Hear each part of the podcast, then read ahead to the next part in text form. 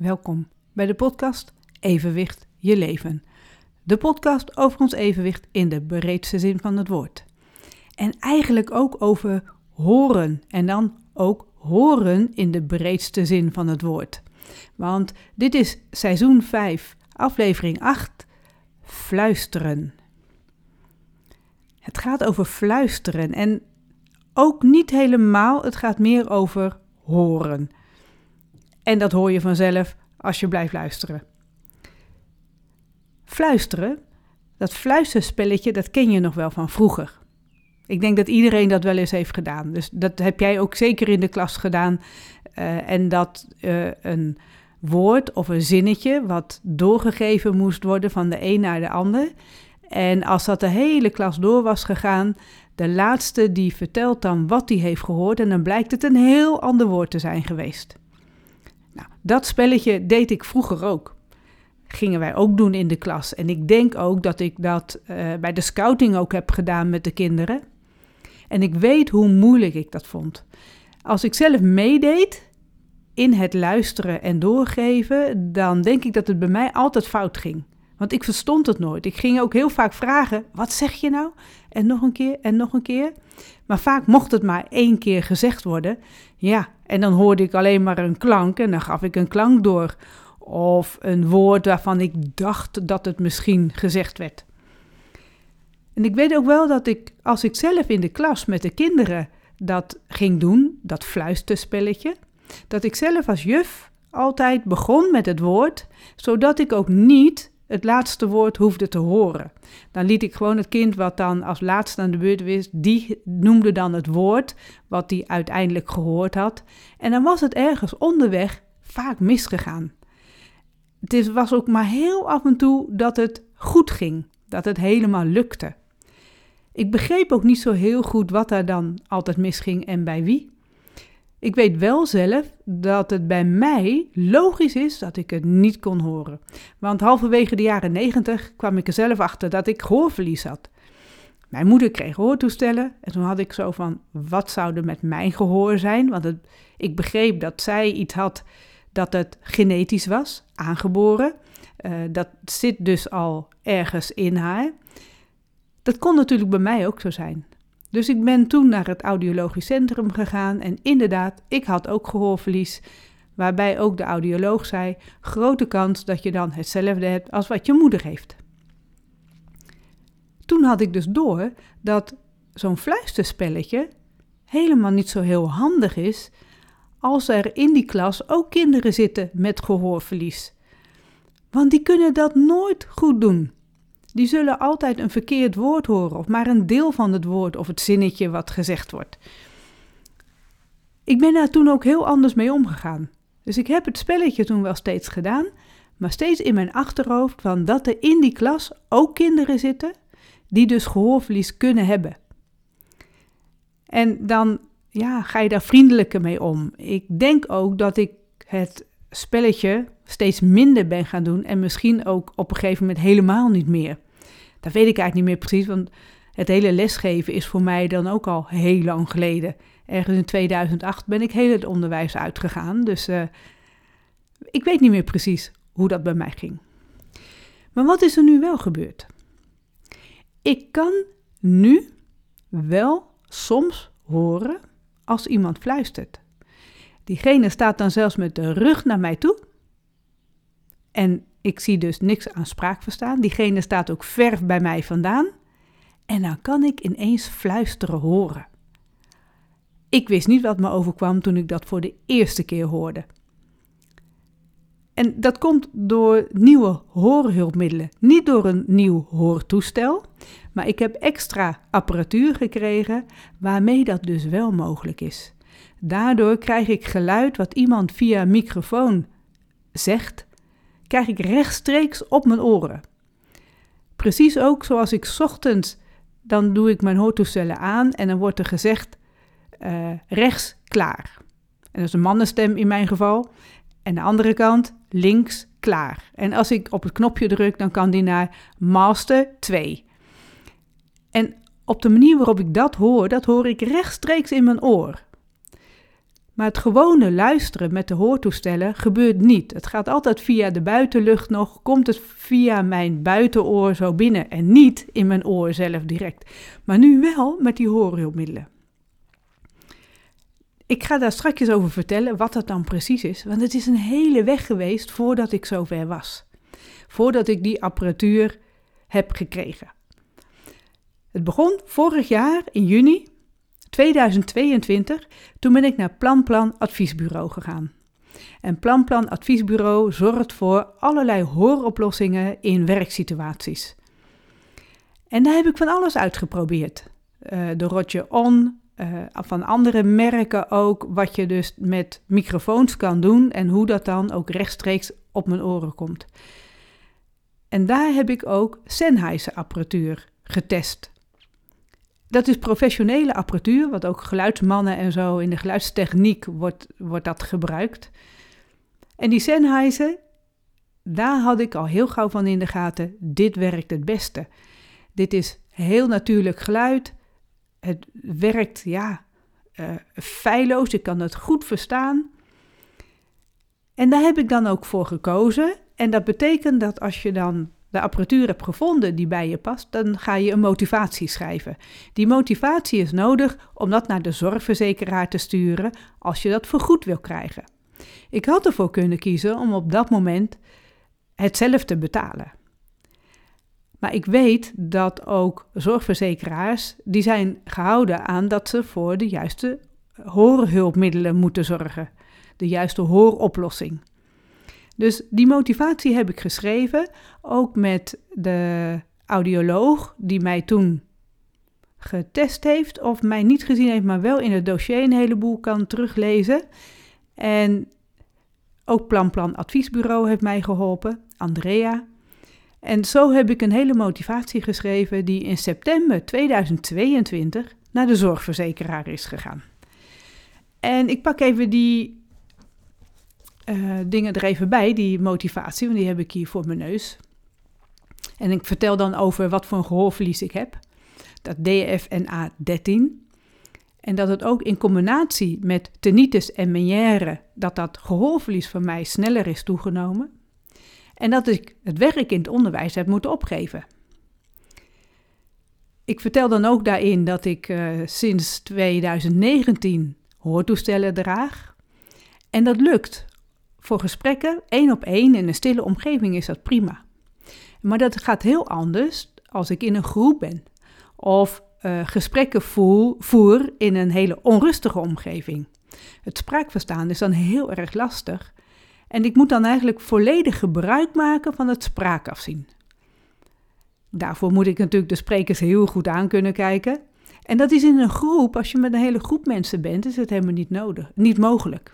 Niet altijd mogelijk het kost dan enorm veel energie, want ik ben eigenlijk continu aan het associëren. Dat heb ik ook voordat ik hoortoestellen kreeg natuurlijk heel vaak gedaan. Alles wat ik hoorde, ging ik zelf bedenken van wat zou er gezegd kunnen zijn. En als ik dan de context niet door heb, dan kan ik af en toe heel raar reageren. Dat is ook wat in de laatste jaren, toen ik nog in het onderwijs werkte, voordat ik jaren kreeg en voordat ik dus uitviel, gebeurde het me al regelmatig dat ik als de kinderen in de kring aan de overkant in het kringgesprek iets aan mij aan het vertellen waren, dan dacht ik te weten waar ze het over hadden. En dan stelde ik een vraag en dat ze echt hadden van, hè, juf? Daar had ik het helemaal niet over. Ik had het daar en daar over. Dan zat ik dus helemaal fout. Heel onhandig dus. Dus dat is echt, dat was toen al duidelijk dat dat gehoorverlies voor mij, uh, nou ja, dat het niet lukte in het onderwijs om dat goed te kunnen blijven doen, om de kinderen goed te kunnen blijven horen. Oké, maar verder even met die motivatie. Dat staat er natuurlijk allemaal niet in, dit hele verhaal. Dan vertel ik over dat ik vanaf 2010 al aan het werk ben als zelfstandig ondernemer. Maar dat er momenteel de inkomsten niet naar zijn. En dat komt omdat ik opdrachten moet laten schieten vanwege dat gehoorverlies van mij, dat toegenomen gehoorverlies. En dat is wel wrang, want ik heb namelijk een luisterberoep. Ik begeleid mensen met gehoorverlies, met tinnitus, met meniere. En als hoorcoach en als auteur en spreker ben ik expert op deze gebieden. Ook op, het gebied van evenwicht natuurlijk. Hè?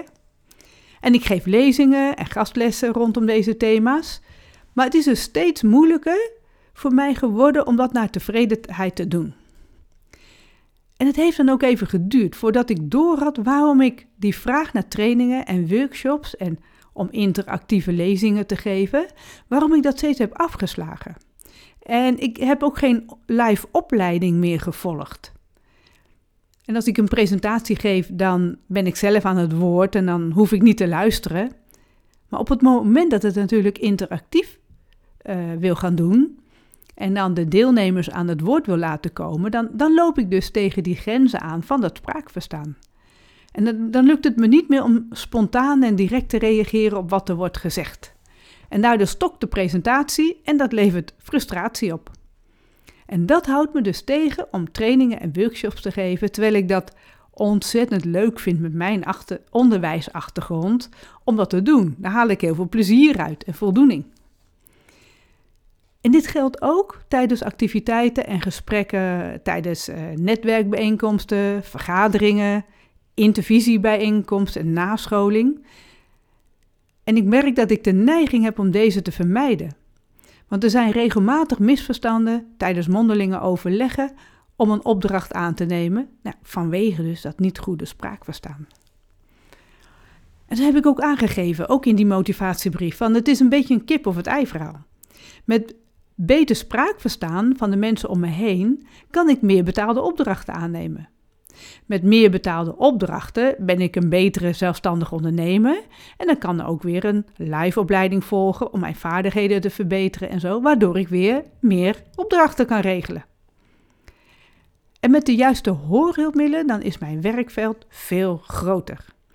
Ik kan dan groepen begeleiden en elke deelnemer goed verstaan. En dat geldt natuurlijk niet alleen voor het werk. Het is ook van grote waarde in het vrijwilligerswerk en privéleven want dan kan ik gesprekken voeren tijdens het wandelen met mijn echtgenoot. En dan kan ik horen wat hij zegt. En dat kan zelfs ook tijdens het fietsen. En ik heb dan de mogelijkheid om als slechthorende podcast en radio te blijven maken. Ik kan dan interviews afnemen en tegelijk goed horen wat dus de geïnterviewde zegt. Zonder miscommunicatie. En hoef ik ook niet de hele tijd spraak af te zien. Ik heb zelfs aangegeven in die motivatiebrief: het is zelfs mogelijk om weer in loondienst te gaan werken, terug het onderwijs in. Er is een chronisch tekort aan eh, leraren, dus ja, ik zou een flinke steen kunnen bijdragen. Nou, even tussendoor. Dat ben ik niet direct van plan om te gaan doen. Dan moet er wel iets heel bijzonders op mijn pad komen, wil ik echt wel weer gaan lesgeven. Maar ik heb het wel in deze motivatie opgenomen, want het is wel een mogelijkheid. Het, is, mogelijkheid. Het, is realistisch. En dan geef ik ook aan hoe ik dat dan bij Plan Plan allemaal heb uitgeprobeerd. En uh, dat waarom ik voor deze apparatuur kies, de Sennheiser apparatuur, anders dan andere solo-apparatuur van bijvoorbeeld Phonak. Dat komt omdat het geluid van stemmen met deze apparatuur het meest natuurlijk overkomt. Het is aangenaam om naar te luisteren en ik vermoed dat het ook bij langdurig gebruik zo zal zijn. Het zijn aangename klanken, dat zijn warmere klanken. En dat is ook voor mij veel fijner, want dan is uh, de mogelijkheid dat er een aanval komt van draaiduizeligheid, die, die is er dan bijna niet meer. Dus om dat te voorkomen, heb ik liever warmere klanken op mijn uh, gehoorsysteem. Met die apparatuur kan ook het omgevingsgeluid verminderd worden. En dan kan ik alleen de spreker horen die tegen mij praat. Daarbij is ook het volume goed te regelen. En dat is weer belangrijk ook voor hyper hyperacusis. En ook weer om die aanvallen van draaiduizeligheid tegen te gaan. Want veel te luide versterking zorgt bij mij voor dat, dat ik echt wiebelig ga worden. Dus dat is uh, hiermee heel goed te regelen. En dan de mogelijkheid om dit te combineren met een werkbox met ingebouwde microfoon. Wat dat precies is, ga ik straks allemaal wel uitleggen. Dan, als ik dat heb, die werkbox, dan kan ik weer in groepen ook optimaal functioneren. En die werkbox, die werkt niet met Roger-apparatuur. Dat Roger-apparatuur is weer van Phonak. Daar werkt het niet bij. Dus dan is die Sennheiser-apparatuur dus veel geschikter. Of eigenlijk, dat is geschikt. Als ik dan dus met mijn hoortoestellen en een passende streamer met die hoorhulpmiddelen dat ga doen, die Sennheiser-apparatuur, dan gaat er een hele wereld voor mij open, waarin ik mijn expertise kan delen en weer volop in het leven sta. En dan sluit ik af in die motivatie. Ook al wordt het gehoorverlies steeds meer, horen in de breedste zin van het woord is dan een positief onderdeel in mijn hele bestaan. Nou, die motivatiebrief heb ik dus opgestuurd. En dat was dan ongeveer in uh, september, is dat naar de zorgverzekeraar gegaan. En toen was het wachten. Wachten op een reactie van de zorgverzekeraar. Dan weet je nooit hoe lang dat gaat duren. Nou had ik al begrepen dat mijn zorgverzekeraar daar best wel wat moeilijker in kan doen. Dat er uh, zorgverzekeraars zijn die heel makkelijk vergoeden. En dat was nog even de vraag of dat uh, voor mij dus uh, of dat door kon gaan. Uiteindelijk kreeg ik toen in december bericht. En dat was een afwijzing. De zorgverzekeraar wijst het af omdat uh, wat ik allemaal heb aangevraagd, dat past niet binnen de voorwaarden. Ze zouden wel de zenden met microfoon en ontvangen vergoeden, maar de streamer en die werkbox die horen helemaal niet binnen die voorwaarden. Dus dat konden ze niet vergoeden. Ja, wat doe je dan? Dus ik dat aan Plan Plan doorgegeven aan Andrea. Van wat moet ik nu? En toen zei ze van ja, maar ze zijn eigenlijk wel verplicht. En als zij halve apparatuur afleveren, heb je er niks aan. Dus we gaan bezwaar indienen. Vind je dat goed? Nou, toen heb ik dus bezwaar ingediend. Bezwaar tegen de gedeeltelijke akkoordverklaring. Ik had natuurlijk wel akkoord al voor die uh, zender en ontvanger maar nog niet voor de andere apparatuur. Daar heb ik in aangegeven in, die, uh, in dat bezwaar.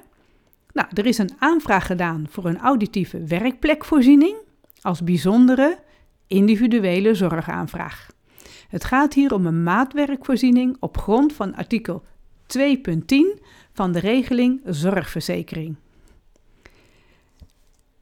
En nou ga ik even kijken wat ik daar verder over heb opgeschreven. Ik geef dan aan wat het bezwaar dan precies is, maar dat uh, zonder de streamer heb ik helemaal niks aan de werkpla- uh, werkplekaanpassing. Het is namelijk de connectie met mijn hoortoestellen, want anders werkt het niet. Ik heb niks aan een zender en ontvanger als het niet op mijn hoortoestellen komt. Dus dat is het meest belangrijke. Dus ja, dan ga ik ook uit van. Uh, eigenlijk de samenvatting, die deel ik dan even ook. Die haal ik hier uit de brief. De door mij aangevraagde werkplekoplossing sluit aan op mijn hoorbehoeften, luistertaken en luisterbehoeften, binnen mijn functie als trainer, coach, docent en spreker. De inhoud van de aanvraag is hierop zorgvuldig gebaseerd en alleen een volledige voorziening kan hierin voorzien. Die heb ik dus opgestuurd, als bezwaar dus ingediend. En dan is het weer wachten. En wachten. En wachten. Normaal moeten ze binnen een paar weken reageren, maar ik kreeg helemaal niks te horen. Het heeft dus echt maanden geduurd. Ik heb op een gegeven moment, na zes maanden of zo, heb ik zelf uh, gebeld naar de zorgverzekeraar van, is het in behandeling? Is dit aangekomen. Nou, het was wel aangekomen, maar het was nog niet in behandeling. En nou ja, allerlei redenen waarom zij daar niet aan toe waren gekomen. Alleen ja, ik zat er wel mee. Uh, ik wil toch uitsluitsel hebben. Ik wil weten waar ik aan toe ben. Uh, komt dit nog wel voor mij? Kom ik daarvoor in aanmerking of niet? En op een gegeven moment, was al vakantie, zomervakantie 2023, daar zijn we al een jaar verder, want in juni 2022 was ik voor de eerste keer bij Plan Plan geweest. En nu was het de zomer. En ik was heerlijk op de camping, in de caravan. En toen werd ik gebeld door iemand van eh, de afdeling bezwaar. Die had dit in handen gekregen. En die wilde van mij even horen nou, hoe dat allemaal zit. En ze gaf zelf aan van ja, het staat niet in de voorwaarden van, uh, van uh, deze zorgverzekeraar. Dus we kunnen het eigenlijk niet vergoeden. Maar ze wilde toch mijn verhaal horen. Dus ik heb eigenlijk die hele motivatiebrief die ik geschreven heb, heb ik in eigen woorden op dat moment verteld. En ik had natuurlijk niks bij de hand. En uh, dus daar heb ik over verteld wat het voor mij voor meerwaarde is. Wat ik er allemaal mee kan. En ja, ik heb gepraat als brugman. En ze snapten het helemaal. Het had echt zo van, ja, ik kan me voorstellen dat in jouw situatie dat helemaal geweldig zou zijn, als dat wel zo, uh, nou ja, voor jou dat, je, dat het mogelijk wordt. Alleen ja, deze zorgverzekeraar, die, ze geven aan dat ze dat niet vergoeden. Toen gaf ik nog aan, het is zelfs dezelfde prijs als, het, als ik dat van een ander merk of zo zou krijgen. Want van een ander merk was het helemaal geen enkel probleem geweest. Ik zeg maar, een ander merk is voor mij mindere kwaliteit. En als het toch dezelfde prijs is, wat maakt dat dan uit? En dit is een onafhankelijk merk, niet aan een hoortoestel uh, zit het vast. En als ik dan juist dus dat wel vergoed krijg dan, en ik krijg andere hoortoestellen, dan hoef ik alleen maar een andere streamen, maar de andere, alle apparatuur kan ik gewoon nog blijven gebruiken. Toen gaf ze ook nog aan van, ja, uh, ik heb ook begrepen dat als jij gewoon met een losse microfoon gaat werken, dan heb je die hele werkbox niet nodig. Waarbij ik toen met haar erover heb gehad ook van, oké, dan ben je met een hele grote groep bezig, met die microfoon in de hand. Die microfoon moet doorgegeven worden, want ik wil ze kunnen verstaan. En als dat dan gebeurt dat die onderweg ergens valt, dat iemand hem onhandig vastpakt en uh, valt, een microfoon is zo stuk. Doe je dat in een werkbox, dan is een werkbox juist heel handig, want daar zit de microfoon in. En daar kun je mee gooien en die kan op de grond vallen. Maar die microfoon die is zo beschermd in die box, dat die dus niet stuk gaat. En dan kan iemand die ver weg staat, kan toch voor mij verstaanbaar zijn. Want die spreekt gewoon in die microfoon en ik krijg het rechtstreeks op mijn hoortoestellen. Hoe mooi is dat? Plus dat die microfoon dus dat niet stuk kan gaan. Dus daarom is die werkbox nodig als ik met grotere groepen wil gaan werken. Nou, ze was het helemaal met me eens. Ze zegt alleen ja, het staat niet in de voorwaarden, dus ik ga alsnog afwijzen. En uh, nou ja, oké. Daar had ik me dus wel bij neer te leggen. Het was vakantie en ik had echt van ja, nou dan ga ik wel na de vakantie kijken wat ik hier verder mee wil. Misschien moet ik het toch alsnog zelf gaan bekostigen. Of ik, ik weet het niet. Of misschien toch helemaal afzien van het willen werken in groepen. Dat ik dat niet doe. Dan moet ik misschien iets heel anders gaan doen. Misschien wel ander werk gaan, uh, mijn hele werk anders gaan indelen. En het is een paar dagen later, nog steeds vakantie. En we zitten te lunchen in een uh, lunchroom. We zitten binnen in de zomervakantie, maar het regende buiten, dus we moesten wel. En toen kreeg ik diezelfde dame aan de telefoon. Ze zegt, uh, heb je even tijd? Ik zeg, nou, ik zit wel in een lunchroom, dus er is heel veel geluid om me heen, maar ik ga proberen om je te verstaan. Want ik had die apparatuur natuurlijk nog ook allemaal niet, dus... Uh... En toen zegt ze van, ik ben er nog eens ingedoken en ik ben ook uh, naar de medisch adviseur gegaan die over deze beslissing gaat, die, die meer weet over horenhulpmiddelen. Ze zegt, en ik krijg geen duidelijke argumentatie, duidelijke redenen waarom het is afgewezen. Ze zegt dus, omdat je nu ook al zo lang gewacht hebt en ook dit bezwaar heel lang heeft, is blijven liggen en jouw motivatie heel helder is en duidelijk, zegt ze, ga ik het toch voor jou vergoeden. Ik ga toch goedkeuring geven aan dat jij de apparatuur mag, uh, mag aanschaffen. En dat is wel een uitzondering op de voorwaarden. Nou, ik was nog helemaal blij. Ik had echt zo van, wat gebeurt hier? Wat mooi is dit. Nou, en dat was ook uh, even later, want ik dacht van, ik moet even wachten tot ik die brief wel inderdaad wel zou krijgen. En die kreeg ik ook. Op een gegeven moment uh, kreeg ik het akkoord. Die, kreeg, uh, die kwam thuis, die brief. Toen heb ik de buurvrouw gevraagd, want we waren natuurlijk op vakantie. Wil jij die brief voor mij openmaken en even een foto van maken? Want ik wil wel zeker weten dat dat akkoord ook echt door is gegaan. Nou, dan geven ze ook aan van, in die brief van, valt uw situatie onder de voorwaarden? allemaal uitleg wat er allemaal wel onder valt en niet onder valt.